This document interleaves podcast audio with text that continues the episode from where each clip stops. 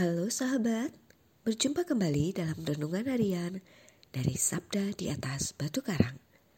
Bersama kami, Antonius Purpiatmadi dari Paroki Maria Bunda Segala Bangsa, Kota Wisata, Keuskupan Bogor, dan Monika Tirtawijaya dari Paroki Katedral Kristus Raja, Keuskupan Tanjung Karang. Hari ini, Selasa 28 Februari, merupakan hari biasa masa prapaskah yang pertama. Gereja memperingati Santo Antonia, seorang abbas, dan Santo Hilarius, seorang paus.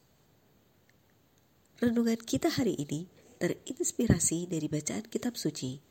Bacaan pertama dari kitab Yesaya bab 55 ayat 10 sampai dengan 11. Dan bacaan Injil suci dari Injil Matius bab 6 ayat 7 sampai dengan 15.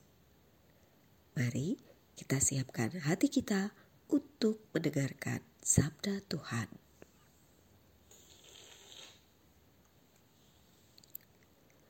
Dalam khotbah di bukit, Yesus berkata kepada murid-muridnya, "Dalam doamu, janganlah kamu bertele-tele seperti kebiasaan orang yang tidak mengenal Allah."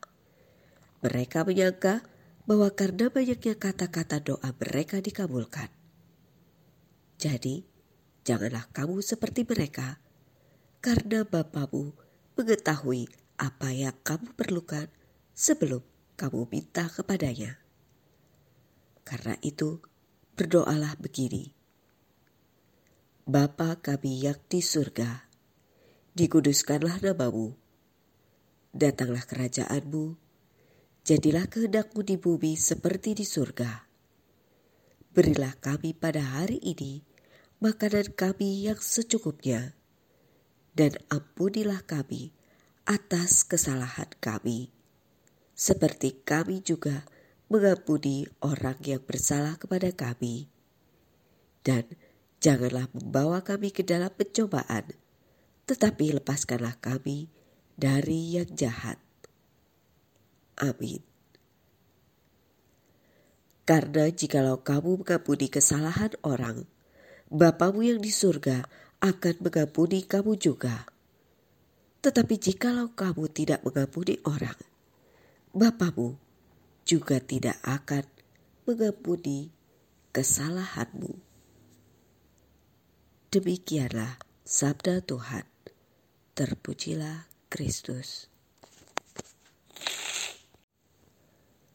Saudara-saudari yang terkasih, orang Katolik sering menolak untuk memimpin doa secara spontan.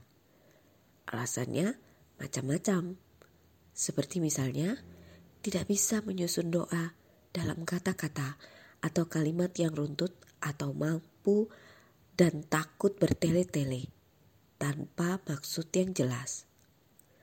Tetapi kalau berdoa secara pribadi biasanya sangat kusuk dan bisa lama.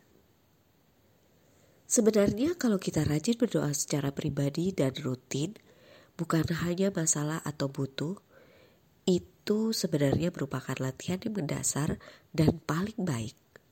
Kalau kita sudah terbiasa berdoa, maka untuk berdoa di depan umum sebenarnya tidak perlu takut atau bertele-tele. Memang orang yang berdoa bertele-tele terkesan doa yang sepertinya tidak mengenal Allah. Saudara-saudari yang terkasih, pada hari ini Yesus memberi pengajaran tentang sikap berdoa dan rumusan doa, yaitu tidak usah bertele-tele atau pamer diri, bukan panjang pendeknya rumusan doa atau yang diulang-ulang, tetapi niat atau motivasi kita dalam berdoa. Contoh niat dan rumusan doa bisa didaraskan dengan hikmat doa Bapa kami. Doa yang diajarkan sendiri oleh Tuhan Yesus untuk kita.